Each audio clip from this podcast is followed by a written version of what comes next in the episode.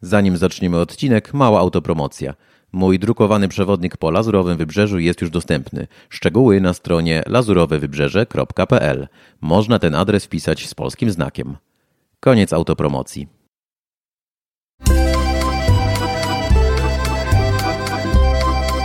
Kartka z kalendarza.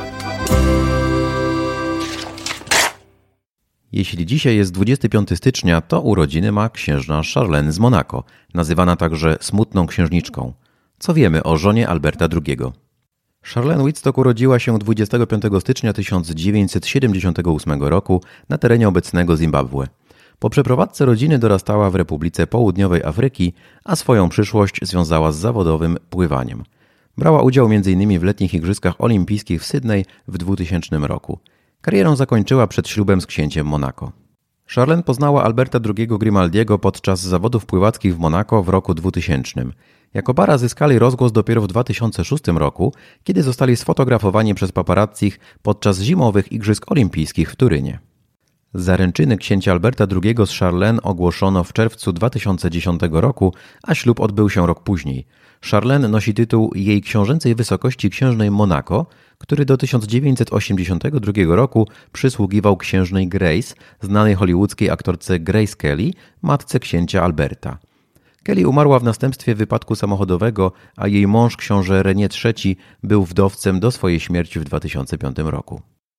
Związek Charlene z Albertem zaowocował parą bliźniaków. W grudniu 2014 roku księżna urodziła najpierw Gabrielę, a dwie minuty później Jakuba, następcę tronu Monako. Media często nazywają Charlene smutną księżniczką. To za sprawą seksualnych ekscesów jej męża, księcia Alberta, który swego czasu przyznał, że ma nieślubne dzieci z innymi kobietami. W 2012 roku prezydent Bronisław Komorowski przyznał księżnej Charlene Order Zasługi Rzeczypospolitej Polskiej. Nie udało mi się ustalić za co konkretnie, ale doszukałem się informacji o wspieraniu polskich organizacji charytatywnych przez monakijską parę książęcą.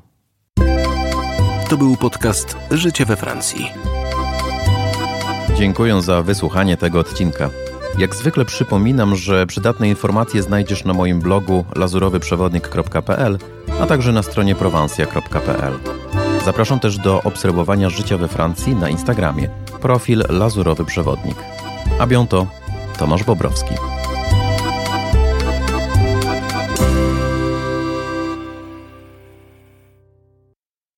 Nie zapomnij odwiedzić strony lazurowewybrzeże.pl